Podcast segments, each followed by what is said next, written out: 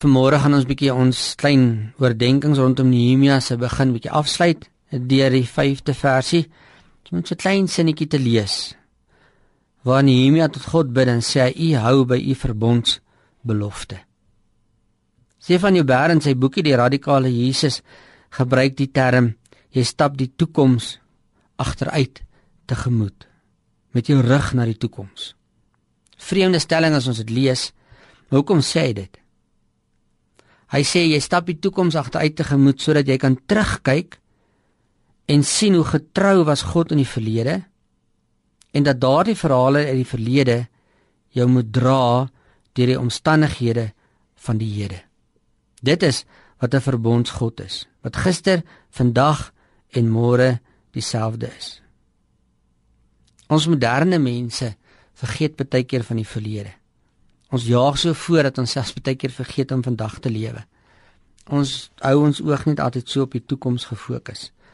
En dan vergeet ons baie maal van gister. En wanneer Nehemia hier bid en wanneer hy met die Here praat en sê ons onthou dat U die verbondsgod is. En wat hy daardie wil sê is hy onthou hoe getrou God was in die verlede. En hy vertrou wat se fantastiese dinge God vir die Jode gedoen het in die verlede. En daarom vertrou hy ook vir God vir vandag. En daarom vertrou hy ook vir God vir die toekoms. Maar kan jy sien dat hy met sy rug na die toekoms toe gestaan het? Hy het na die verlede gekyk. Voel jy ook soms dat jou lewensmure is om en jy kry swaar? Dan wil ek vandag vir jou uitnooi om sommer net twee dinge te doen. Eerstens besef net dat God getrou is en dat hy altyd sal hou by sy verbondsbeloftes want dat hy daar is vir jou selfs in jou diepste nood. Onthou dit. Kyk terug. Tweedens.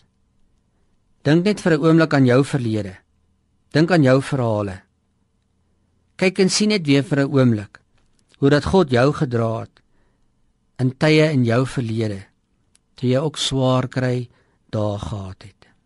Dink sommer aan daai welbekende gediggie wat iemand geskryf het van hy twee rye voetspore kyk bietjie terug in die verlede en kyk bietjie na tye en insidente en plekke waar jy swaar gekry het, dan sal jy sien as jy jou verhale afstof, gaan jy sien hoe dat God vir jou gedra het in sulke swaar kry dae. Stap die toekoms met jou rug tegemoet.